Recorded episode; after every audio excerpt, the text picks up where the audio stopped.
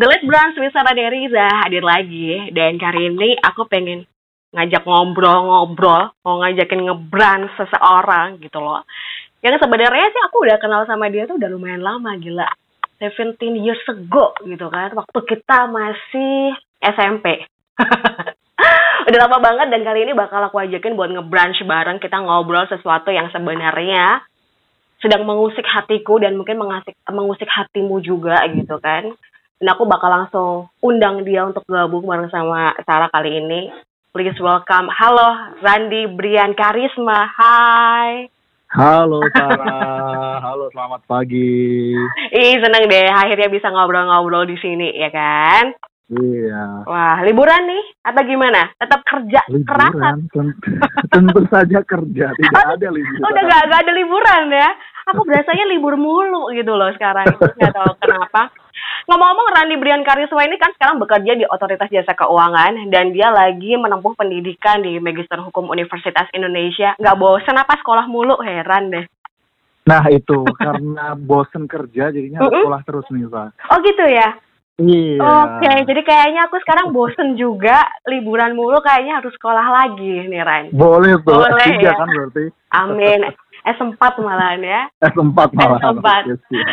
Ya ampun Ran, aku tuh sebenarnya pengen ini nih, pengen curhat gitu loh sama kamu tentang kegelisahan aku Mhm. beberapa waktu yang lalu. Sempat terima Mhm. yang namanya SMS yang lumayan mengganggu banget. Jadi ceritanya ada SMS yang menagih hutang pinjaman online gitu kan.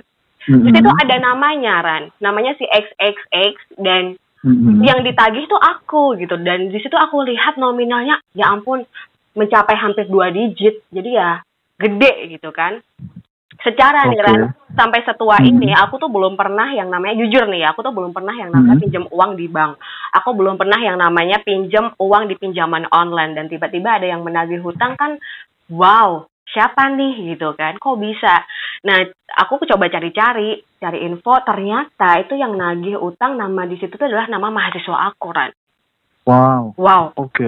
mahasiswa Oke.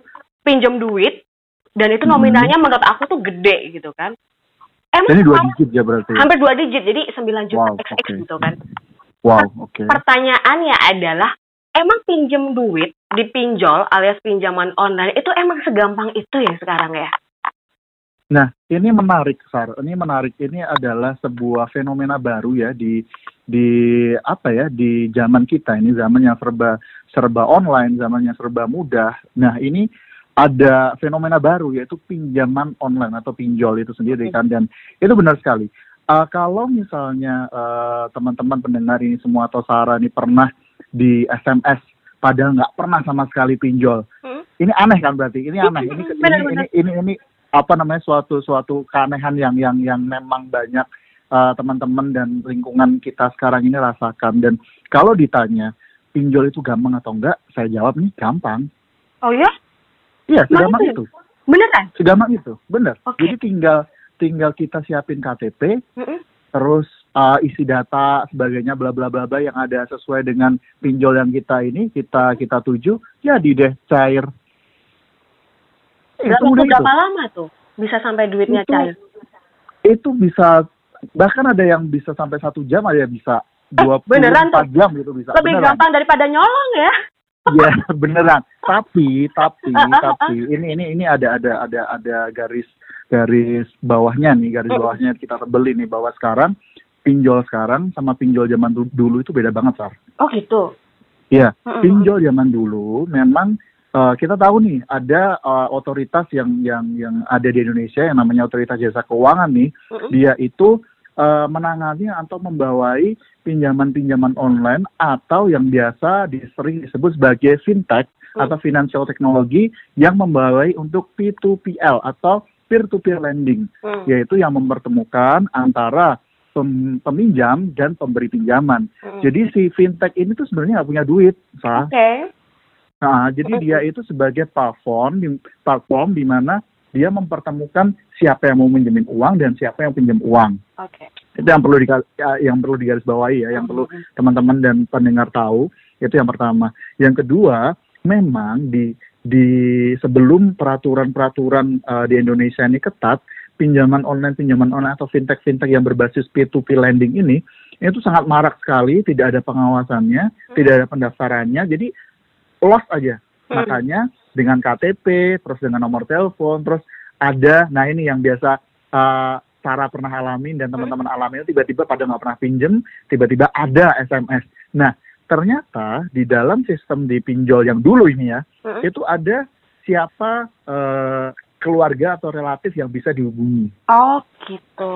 Yes, Jadi- benar sekali. Di jadi tubal dong ya berarti ya. Kenapa? Sorry. Jadiin dijadiin tubal dong. Eh kasarannya sih iya, kasarannya sih iya. Tapi Hmm. tapi sekali lagi itu itu adalah pinjol zaman dulu sebelum ada aturannya. Oke. Far. Mm-mm. Mm-mm. Jadi sekarang kalau kalau kita kita mau baca nih mengenai peraturan-peraturan mengenai fintech atau financial financial teknologi yang berbasis peer to peer lending atau yang mempertemukan antara borrower dan lender atau eh peminjam dan pemberi pinjaman itu sekarang sangat sangat ketat ya pengaturannya bahkan eh, di beberapa peraturan yang yang sudah diadopsi oleh Indonesia misalnya yang di eh, peraturan otoritas jasa keuangan misalnya. Nah, itu sudah sudah sangat sangat rigid karena memang harus si pinjol itu, si fintech itu, si perusahaan itu memang harus mendaftarkannya eh, perusahaannya dan mereka tuh ngerjain apa aja sih itu sih Sar. Dan Oke. sekarang itu nggak hanya cukup KTP, Oh, oke. Mm-mm, sekarang hanya cukup KTP. Jadi eh, ditanya eh, apa namanya punya rekening bank di mana, Oke. terus penghasilannya berapa, Oke. terus dia kerjaannya apa. Oke. Jadi secara Gitu. verifikasinya lebih lebih ribet ya berarti sekarang ya? Iya, sekarang lebih ribet. Tapi sebenarnya mahasiswa pun juga masih bisa pinjam. Yang Oh, punya tidak gitu. punya pekerjaan tuh masih bisa pinjam. Iya, tapi dari si eh, financial teknologi itu atau perusahaan peer to peer lending itu dia akan melihat risikonya. Mm-mm. Jadi eh, misalnya nama nama nama Sarah Sarah nih Riza eh, kerjanya nih kerjanya adalah anchor misalnya. Mm-mm. Dia akan tanya gajinya berapa. Oke. Oke, gajinya berapa, kebutuhannya berapa. Mm-mm. Nah, secara sistem mereka pakai AI atau uh, artificial intelligence dia akan dia akan ini akan men- menilai itu kira-kira nih Sarah ini bisa dapat plafon berapa ya Oke.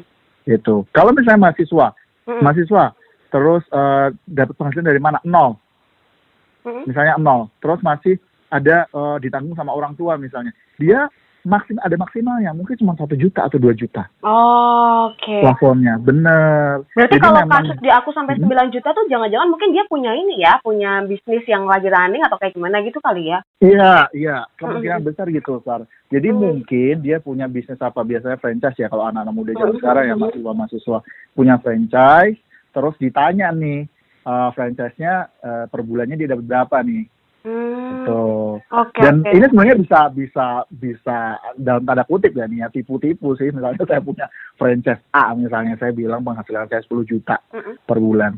Terus saya misalnya pakai rekening rekening orang tua saya misalnya dan ternyata orang tua saya rekeningnya oke misalnya Mm-mm. dan ternyata uh, setelah diperiksa sama si fintech itu semuanya terverifikasi bisa juga dia dapat yang lebih tinggi Oke, jadi nggak ada Mm-mm. verifikasi terhadap ini ya? Maksudnya kalau misalnya dia ngaku dia punya usaha macam-macam juga nggak ada minta legalitas usahanya, siuk atau apa gitu nggak di- nggak diminta juga ya? Eh, itu yang membuat kenapa pinjol ini sangat disukai dibanding kita pinjam di bank Sar.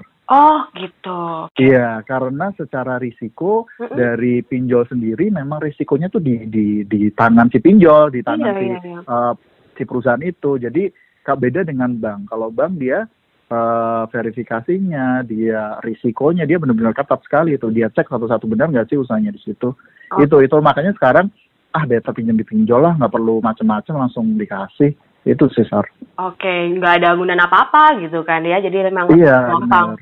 Cuma masalahnya Benar, ternyata semakin berjalannya waktu dan mungkin semakin banyak orang yang punya utang di pinjaman online, ternyata mereka Hmm. mulai kayak ngerasain banyak risiko-risikonya gitu kan, ya kan? Kayak Iya misalnya benar. akses kontak di handphone itu bisa sewaktu-waktu diambil, Iya. padahal benar, kita nggak nggak merasa mungkin nggak ngeh gitu kan wak- waktu lagi ngedownload apa namanya aplikasinya gitu. Iya. Nah kalau menurut kamu sendiri risiko yang selama ini sering diabaikan orang ketika mau pinjam di pinjol tuh apa aja sih? sebenarnya gini, eh, saya eh, saya pribadi ya, saya pribadi nggak nggak apa ya tidak tidak mem, mem- mem- apa ya tidak memberikan legitimasi untuk menyatakan kalian nggak boleh pinjol. Nggak bisa gitu juga karena Mm-mm. memang pinjol itu legal, Oh, legal. oke. ya legal dan memang memang ada peraturannya, ada Hmm. didaftarkan pun semuanya legal gitu. Oke. Tinggal kita sebagai konsumen itu paham nggak sih risiko yang kita kita dapat dari pinjol itu? Yang pertama, eh, ada pasti waktu kita mengisi data di beberapa ini saya saya bilang beberapa ya karena nggak semua di Mm-mm. beberapa fin, eh, eh, fintech atau P2P, eh, P2P berbasis eh, P2P lending ini tuh mempersyaratkan bahwa si perusahaan itu boleh mengakses semua kontak kita yang ada di handphone kita. Hmm, oke. Hmm, Tujuannya apa sih? Nah, tujuannya apa? Berbeda dengan bank. Bank itu punya uh, punya uh, apa ya buffer risiko-risiko yang di mana dia kalau misalnya si peminjam itu gagal bayar atau misalnya mandek misalnya, nah itu dia bisa datang ke ke rumahnya atau datang ke uh, usahanya itu karena mereka punya uh, source sumber daya manusianya banyak. Mm-mm. Berbeda dengan uh, perusahaan fintech ini. Perusahaan fintech ini memang nggak perlu banyak orang, Mm-mm. cuman yang dibutuhkan adalah sistem uh, internet yang canggih, sistem sistem komputer yang canggih, udah cukup cukup itu aja. Jadi memang nggak mungkin dong misalnya saya kita nih ownernya dan kita berdua nih menjalankan fintech terus kita harus datengin satu-satu Iya. itu itu butuh Bener-bener. Iya, bu- CEO butuh collector ya.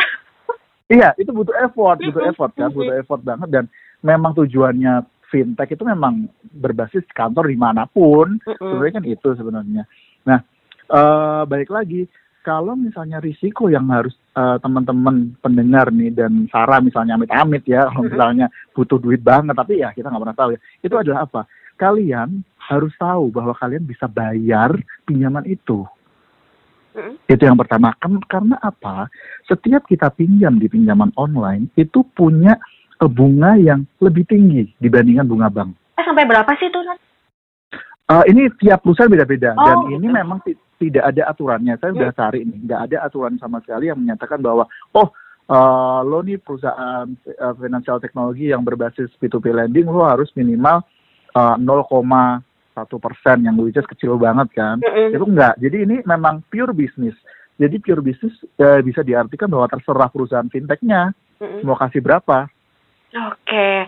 Nah, Kapan? Ini aku lihat ya. sampai 30 persen loh ya. Ada, ada, Ada yang, ya? ada yang sebesar itu. Gila. Ada yang sebesar itu. Ngutang sejuta langsung Nah, balik. utang sejuta tapi membaliknya tiga ribu kan aneh kan. Maksudnya Iya, ya, iya, ya, tapi itu terjadi dan memang itu perlu itu emang, emang pengen am- dalam tanda kutip cuannya emang segitu gitu. Nah, Mm-mm. maksud maksud saya di sini adalah teman-teman semua yang pengen memang aduh gue butuh banget nih aduh gue sepakat banget nih nggak apa-apa pinjol Hmm. nggak apa-apa tapi di situ biasanya eh, mayoritas pinjol itu di fintech P2P lending dia punya skema eh, kira-kira kalau lo pinjem berapa juta berapa sih bunga yang dapat dan berapa kalian harus bayar per harinya misalnya Mm-mm. atau per bulannya misalnya atau per minggunya berapa itu ada semua Oke. Nah, jadi memang dikembalikan kepada konsumen.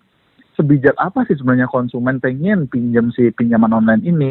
Oh. Jadi memang memang iya, memang kalau misalnya nih, aduh nih, saya saya nih saya saya sebagai peminjam dan Sarah sebagai perusahaannya. Mm. Tapi Sarah uh, misalnya Sarah dari perusahaannya sudah memberikan saya 5 juta. Mm-mm. 5 juta dengan bunga 2% per bulan misalnya. Hmm. Saya gagal bayar di bulan eh dengan plaf, misalnya plafon saya eh, ini tenor saya misalnya 6 bulan, sambil 6 bulan atau 12 bulan lah. Sebenarnya 12 bulan. Ya udah dipecah aja 5 5 juta dibagi 12 bulan terus dikalikan per bulannya adalah si 2% itu. Mm. Ya kan? Iya. Berarti misalnya saya gagal di bulan 3, Mm-mm. gagal di bulan keempat. Nah, itu harusnya tahu dong. Oh, saya ini udah ada breakdownnya nih. Sebelum kita pinjam udah ada breakdownnya nih. Oh, Mm. berarti per bul- bulan ini saya bayar sekian ratus ribu. Bulan sekian, eh, bulan kedua saya ba- bayar se- sekian ratus ribu. Nah, kira-kira selama satu bulan itu, teman-teman semua atau saya sendiri bisa nggak sih bayar per bulan segitu? Wih, jadi harus pintar matematika dong ya? Ah, nggak, nggak sebenarnya nggak perlu, nggak perlu matematika karena di sistemnya ada. Sam. udah ada, udah kelihatan gitu ya? Ada, ada. Jadi Oke. kalau misalnya sampai teman-teman terlilit hutang di pinjol itu, ya itu sebenarnya eh Kemudahan kasarnya sendiri gitu kan? Iya, kebodohan sendiri sih saya bilang gitu. Karena memang balik lagi ke konsumennya, balik lagi ke kita, butuhnya apa sih, bisa nggak sih kita bayar? Itu risiko yang benar- benar-benar harus diperhatikan. Mm. Dan kadang-kadang Hmm. kalau misalnya kita gagal bayar tuh, itu ada ada ini juga ya, ada dendanya juga ya. Iya, itu dia. Nah, ini dia. Ada denda di mana kalian kalau misalnya gagal dari bulan pertama, Mm. bulan berikutnya kena denda. Gitu terus. Nah, maksud saya adalah apakah kalian yakin ingin pinjam? Sebenarnya mau pinjol, mau di bank sama aja, semua juga Mhm. Juga ada ada ada penaltinya kalau gagal bayar. Mhm. Cuman memang di pinjol ini memang dipermudah dan memang masyarakat Indonesia kan memang kadang-kadang butuh butuh butuh dananya cepat ya Sar ya. Mhm. Ada yang nggak punya misalnya nggak punya BPJS misalnya terus harus ke rumah sakit kecelakaan kecelakaan nih amit-amit ya Mhm. ternyata butuh 10 juta. Nah ini si si P2P lending ini sangat-sangat berguna banget Oke. untuk untuk konsumen-konsumen atau rekan-rekan atau teman-teman sekalian yang memang butuh dana cepat gitu. Mhm. Makanya balik lagi ke pertanyaan sebelumnya, apakah saya menyarankan atau oh ini itu tuh jelek nih nggak perlu dipakai? No, saya nggak menyarankan itu. Saya bilang bahwa kalau kalian memang butuh dan kalian bisa bayar, do it Oke. gitu. Gitu ya. Jadi memang butuh kesadaran penuh bahwa ketika kita mau Iya. kan pinjam udah ta udah tahu gitu loh. Kita bisa bayar Iya, atau enggak, benar, benar. Kayak gimana benar gitu banget, kan. benar banget. Karena sekali lagi tidak ada jaminan di sini. Benar. Beda dengan bank ya. Kalau bank kita pinjam berapa puluh juta, berapa ratus juta ada jaminannya. Mhm. Jadi sebenarnya kalau misalnya gagal bayar pun jaminannya itu bisa diambil sama bank. Oke. Kayak Beda gitu. dengan fintech, karena nggak ada jaminan. Mhm. Karena nggak ada jaminan ya itu dia kontak itu. Kontak itu jadi memainkan peran penting bahwa nanti salah di telepon atau di SMS. Oh ini loh ada ada saudaranya, oh aku saudaranya belum bayar ya itu. Mhm. Memang memang karena sebenarnya itu kerugian di fintech juga loh Sar. Oh iya iya iya. Iya betul. dong. Iya Kan dong. Dia memang sebagai sebagai pla- platform di mana mempertemukan antara si Mhm. pemberi duit sama yang Iya. uh, sama yang pinjam gitu. Jadi Benar. dia akan dimarahin dong sama si pemberi duitnya itu loh. Betul Mana nih katanya lo mau pinjemin eh mau uh, muterin duit gue nih harusnya gue dapat gue dapat ini dapat keuntungan nih karena karena gagal bayar saya jadi rugi. Iya. Nah itu semuanya uh, apa ya risikonya di, di, dipegang antara si si fintech itu sendiri dan si uh, pemberi pinjaman. Mhm. Business is Gitu. business ya. Jadi ya Iya, bisnis Kalau- bisnis. Jadi ya Mhm. benar-benar harus harus paham gitu konsumen-konsumen kita ini. Oke, jadi kalau misalnya konsumen emang tadi kayak tadi bilang gitu kan, memang memang butuh, ya it's okay udah ngerti kan apa namanya term and Mm-mm. conditionnya kayak gimana, akhirnya mau pinjem dipinjol. Cuma sekarang tuh pinjol kayaknya banyak banget deh, Ran, ya nggak sih? Dan kita Iya, bisa, memang banyak banget. kita bisa banyak ngerti kalau dia dapat izin ada punya legalitasnya dari OJK mana yang ilegal, kita bisa ngeceknya di mana tuh? Nah, kemarin kan kita udah sempet nih, teman-teman mungkin belum tahu ya, sempet kita WA-WA-anan ya nih ya. Mhm, Sorry ya. Nah, eh, kemarin itu saya, saya saya coba search kan, search ternyata di di apa websitenya OJK itu ternyata ada daftar-daftar eh, fintech-fintech yang berbasis P2P ya, Oh, untuk lending itu mana saja yang sudah terdaftar. Oke, jadi kita bisa akses ya di official Iya. website OJK gitu ya. Jadi kita harus Iya, benar-benar. melek literasi juga nih mau baca-baca gitu. Nah, Kita eksekusi. iya, jadi benar, memang sih kemudahan itu ada di tangan kita. Cuman eh, saya pribadi sih menyarankan untuk kita tetap meliterasi diri kita sendiri ya. Apakah Mhm. apakah kita butuh pinjaman itu, bagaimana perusahaan fintech itu berbisnis, bagaimana kita harus bayar, bagaimana kita harus pinjam itu harus dipelajari ya. Itu sih. Cuma masalahnya kan ternyata orang yang sadar melek mau cari informasi itu kan kalau boleh dibilang mungkin jumlahnya lebih sedikit ya daripada orang yang gegabah gitu ngambil keputusan. Nah, Yes. banyak kasus nih beberapa waktu lalu juga viral di sosmed gitu kan, di mana dia itu ngutang ke pinjaman online yang ilegal. Dan pada akhirnya terus kayaknya kan OJK ini apa punya program gitu ya secara terus menerus memberikan apa ya namanya koreksi terhadap pinjol yang ada berterbaran di Indonesia ini mana yang ilegal langsung ditutup gitu kan ya. Pertanyaannya nih kalau misalnya pinjam udah terlanjur ke pinjol yang ilegal, dia kan Hmm. secara perusahaan dia kan nggak sah gitu kan bisa dibilang kayak Hmm. gitu. Nah aku Hmm. sebagai peminjam harus ngebalikin duitnya nggak sih? Misalnya katakanlah aku pinjam ke pinjol ilegal gitu. Atau ya udah Nah. kamu aja nggak sah ya luain aja gitu. Yes, ini menarik. Ini pertanyaan menarik banget lah. Dan ini sangat berkaitan sama eh, ini nih, sama sama pelajaran yang kebetulan saya ambil di S2 ini. Eh, ini ada sebuah prinsip yang namanya Pacta Sunt Servanda. Nah, ini itu adalah perja- eh, hukum yang mengikat antara kedua belah pihak yang memperjanjikan sesuatu. Oke. Nah, jadi mau dia ilegal, mau dia legal, mau apa pun itu bentuknya, kalau asal kita berjanji bahwa misalnya nih saya sama Saran, Mm-mm. saya pinjam duit ke Sarah, Mm-mm. terus saya bilang oke, tapi lo balikin eh, dua bulan lagi ya. Mm-mm. Itu udah jadi perjanjian yang mengikat antara kedua belah pihak. Dari itu dinamakan uh, prinsip pacta sunt servanda. Oh, Nah, Oke. walaupun itu ilegal, walaupun itu legal, balik lagi, kamu sudah pinjam, Hmm. kamu sudah pinjam, kamu harus kembalikan. Harus Gitu. ada hitam di atas putih ya. Iya tentu tentu aja. Sekarang walaupun itu ilegal pun, nggak- saya tidak bisa bilang ilegal sih. Karena eh, kalau saya lihat di websitenya OJK ya, itu ada yang terdaftar dan belum terdaftar. Oke. Oke, Mm-mm. gitu. Ada yang terdaftar dan belum terdaftar di situ ada Mm. bisa bisa eh, bisa dilihat ya teman-teman nanti bisa cek di websitenya OJK ya Mm. eh, itu. Dan kalau yang misalnya ilegal, kalau saya baca-baca di beberapa literatur dan beberapa berita-berita yang ada, itu paling eh, rekan-rekan semua atau teman-teman semua atau konsumen-konsumen pinjol yang sekarang lagi, aduh ini kelihatannya ilegal nih, bisa dilaporkan, bisa Oh. dilaporkan ke OJK misalnya bisa, dan itu nanti masuknya juga ke perdata juga. Oke. Apakah unsur-unsur misalnya penipuan, Mm-mm. merasa ditipu atau gimana? Tapi kalau misalnya saya lihat itu bukan penipuan juga ya, karena dengan sadar kamu pinjam, dengan sadar kamu pinjam, dengan sadar kamu pinjam berarti memang udah mengikat antara kedua belah pi- pihak itu antara si fintechnya itu dan si peminjamnya. Jadi memang mau dibawa ke mana? Kecuali itu penipuan ya, kita bisa Mm-mm. masuk ke ranah pidana misalnya. Oke. Tapi kalau misalnya memang kamu nggak bisa bayar, ya ranahnya jadi perdata juga. Berarti kamu melanggar apa uang prestasi. Mm-mm. Kamu nggak bisa nggak bisa melakukan kewajibanmu sebagai peminjam untuk mengembalikan dana yang kamu pinjam. Itu sih. Jadi baik lagi pertanyaannya. Jadi tetap ya harus tetap bayar ya. Tetap harus bayar. Nah itu itu itu itulah literasi penting banget, Sar. Memang Mm. gimana ya susah jelasinnya ya kalau misalnya teman-teman semua atau pendengar semua ini nggak mau baca padahal sebenarnya semua informasi itu ada loh di internet benar-benar ada di internet Hmm. kalau misalnya eh, ini pendengar semua atau rekan-rekan semua ini dengar eh, podcast ini podcastnya si Sarah Sarah Indonesia ini Hmm. eh, saya sarankan sih memang harus baca Sar Hmm. nggak bisa nggak baca harus baca bener bener. gitu loh Oke. Terus ini kebetulan ada yang tanya kemarin aku sempat share kan di story di Instagram ada nggak sih yang pengen tanya-tanya seputar pinjol dan ini kebetulan ada juga yang tanya-tanya kalian aku tanyain ke kamu gitu kan ya ini dari Dewi Dewi tanya kayak gini kalau misalnya sekarang di SMS itu sering banget dapat SMS yang isinya itu penawaran peminjaman.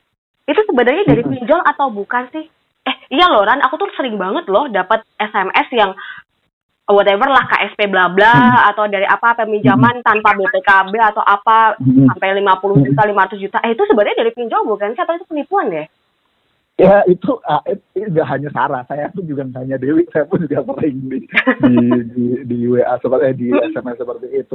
Eh, itu kalau kalau saya bilang sih bisa jadi penipuan. oh Dan itu kita bisa laporkan, kita bisa laporkan, kita bisa Oke. laporkan ke ke biasanya kalau nggak salah sih bisa ke OJK, bisa ke ke Kominfo juga karena itu termasuk spamming kan sebenarnya. Oke, Mm, jadi, jadi beda kita nggak ya. tahu mananya kenapa? Jadi beda ya itu siapa gitu perusahaannya apa nggak Ya, mungkin ya, ya.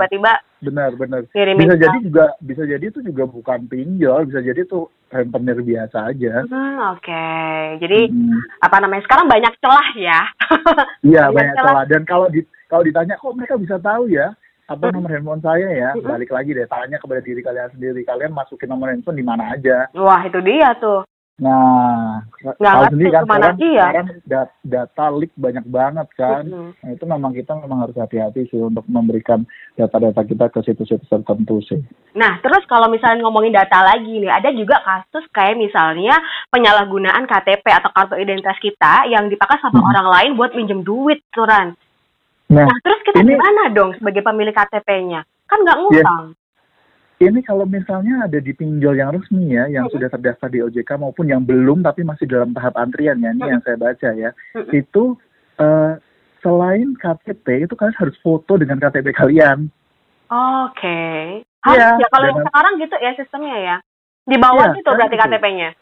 Benar dibawa dan difoto. Mm-mm. Jadi kita selfie sama Mm-mm. sama KTP kita. Hmm. Nah nanti secara pihak verifikatornya akan verifikasi apakah benar sih itu KTP kamu atau itu KTP curian atau sebagainya. Nah itu menurut saya sih sangat sangat secure sekali ya. Jadi harusnya di zaman sekarang di era-era sekarang yang sudah baru ini Mm-mm. uh, sudah sangat amat jarang sih penyalahgunaan KTP karena bahkan di di beberapa marketplace aja kita sudah harus memberikan verifikasi melalui selfie dengan KTP kita Iya. sendiri. bener bener bener Mm-mm. udah ini ya udah lebih prosedurnya lumayan lebih kompleks Iya, ya sekarang sudah sudah mulai kompleks sih. Mm-mm. Uh, kalau yang saya lihat dan pernah saya alami ya, saya benar-benar ngelakuin sendiri.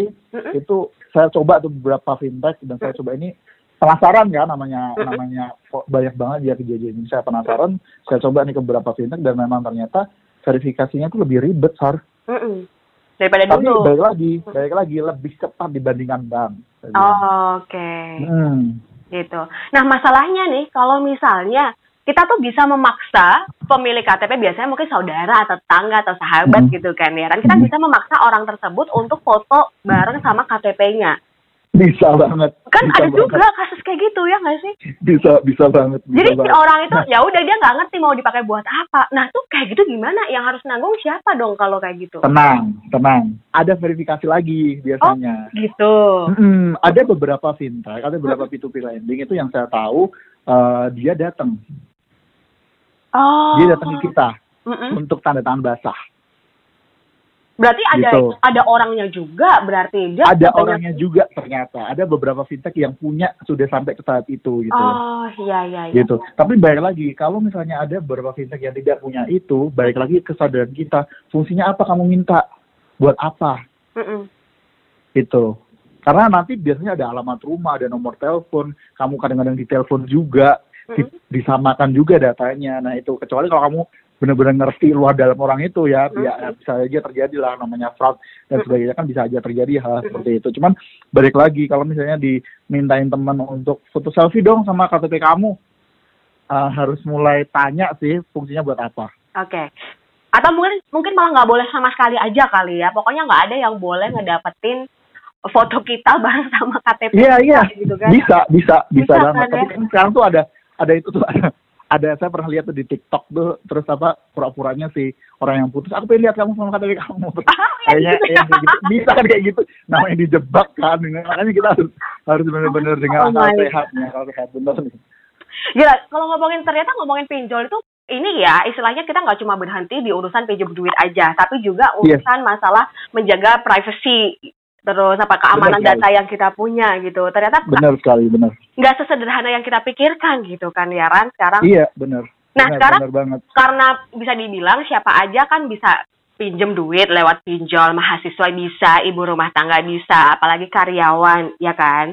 Nah, Hmm, kalau kalau versinya Randi sendiri dan ini kebetulan juga ada yang tanya di sini dari Hmm. Anung yang udah gabung kemarin di Instagramnya Sarah dia tanya sebenarnya kalau misalnya apa namanya mau pinjem di pinjaman online itu yang bijaksana atau sebaiknya tuh yang kayak gimana? Dari jumlahnya itu seberapa terus habis itu tenornya berapa lama dan aku harus ngapain aja supaya tetap menjaga akal sehat katanya.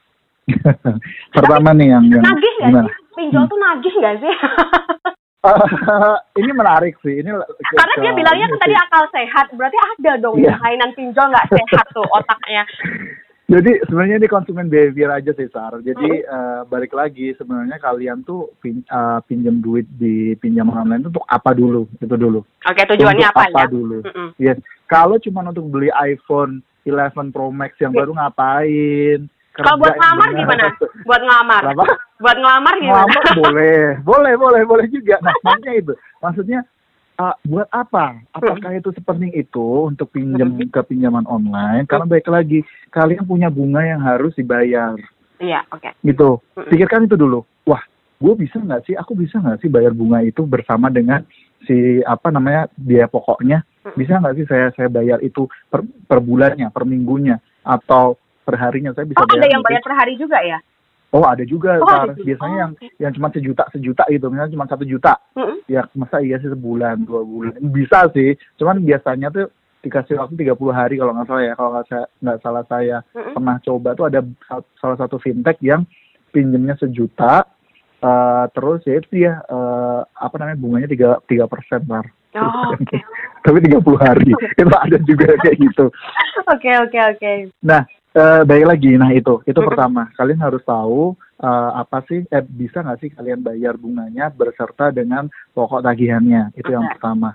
Yang kedua, kalau misalnya kalian merasa nggak, aduh, gua nggak bisa nih, aduh, aku nggak bisa bayar nih, coba pinjam ke teman terdekat dulu, pinjam ke keluarga dulu, ya kan, yang nggak berbunga sama sekali. Mm-mm. Saya nggak ngajarin untuk ngutang ya, Cuma kalau iya. memang kepepet, Iya, ya. coba tanya ke keluarga dulu gitu loh. Mm-mm. Karena memang ternyata memang udah nggak bisa, wah nggak ada lagi nih, nggak nggak ada yang sama sekali yang nggak saya bisa lakuin nih. Hmm. Ya udah, pinjem. Oke.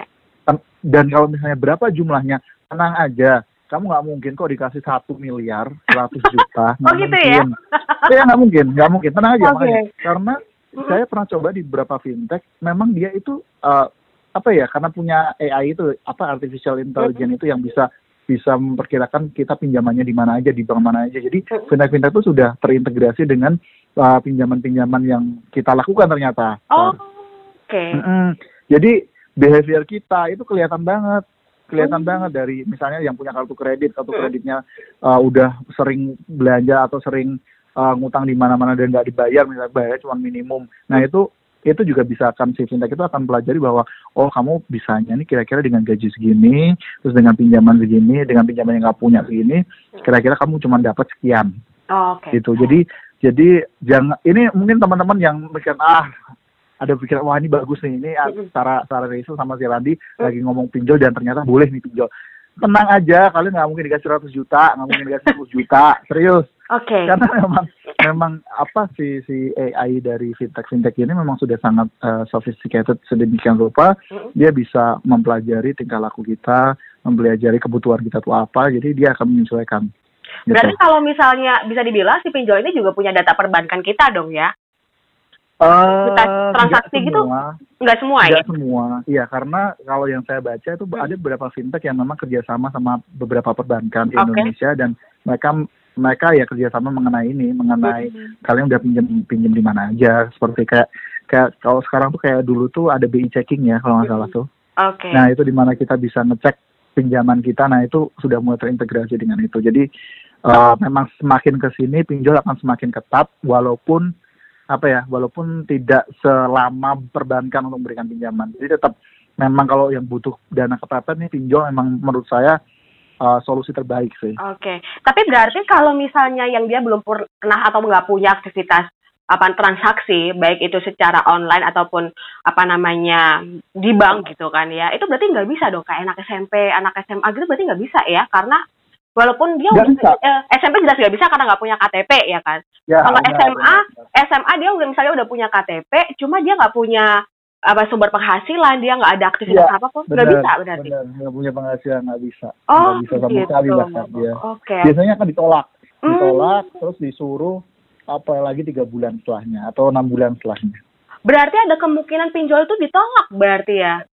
Wah, kemungkinannya besar banget sekarang, Sar. Oke, Jadi, iya, pikir jadi langsung salah. aja, enggak ya? iya, hmm, bisa banget. Makanya untuk teman-teman yang mohon maaf nih ya, yang tidak punya pekerjaan Mm-mm. dan apa eh, nganggur terus apa pengen pinjol itu Hmm. akan sangat susah sih menurut saya. Kalaupun bisa, mungkin harus ada beberapa yang biasanya ngajar jelek nih, ya, ada beberapa yang yang di otak atik lah. Oke, jadi bisa Gitu. dibilang kalau kamu nggak punya duit ya jangan pinjem, ya nggak sih? Nah, itu itu kasarannya. Pinjol itu, hanya untuk kamu yang punya duit loh. Maksudnya dalam artian Iya. ada kan yang ada yang dijaga ke gitu kalau bahasa Jawa nih. Benar, benar. Ya. Karena ini kan darurat, Sar. Ini kan Mm-mm. darurat, duit darurat. Jadi namanya uang darurat, hari ini kamu lagi nggak ada duit, tapi besok ada. Oh, oke, oke. Nah, gitu. Poinnya di situ, gitu kan? Yes.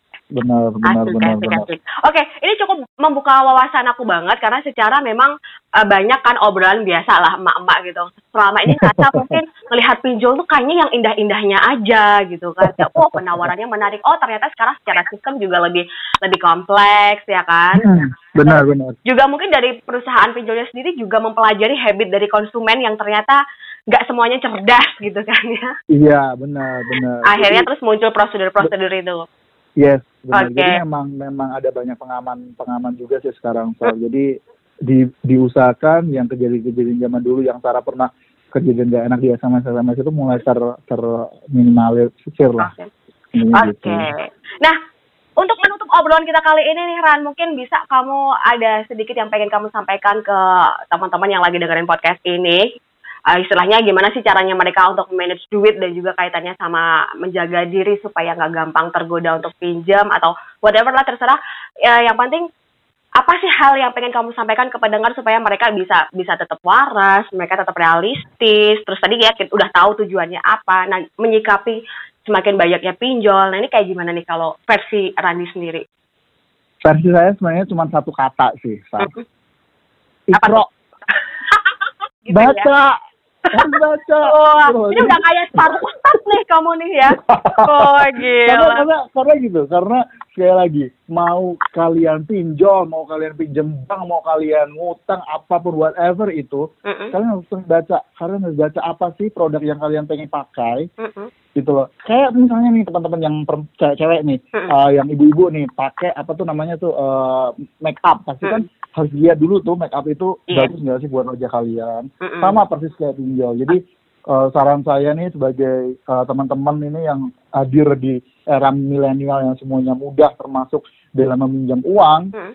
baca karena informasi ada banyak sekali di internet dan semuanya cari yang valid ya tentunya ya, yang benar-benar yang situs-situs kredibel.